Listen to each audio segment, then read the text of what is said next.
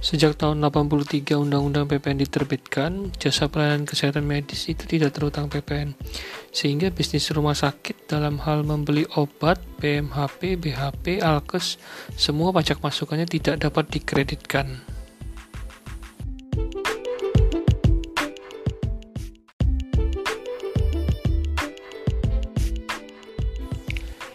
Uh, instalasi farmasi rumah sakit itu penjualan obatnya tidak terutang PPN. Tetapi ketika tanggal 1 April 2000 keluar SE 6 tahun 2000, eh, penjualan obat rawat jalannya menjadi terutang.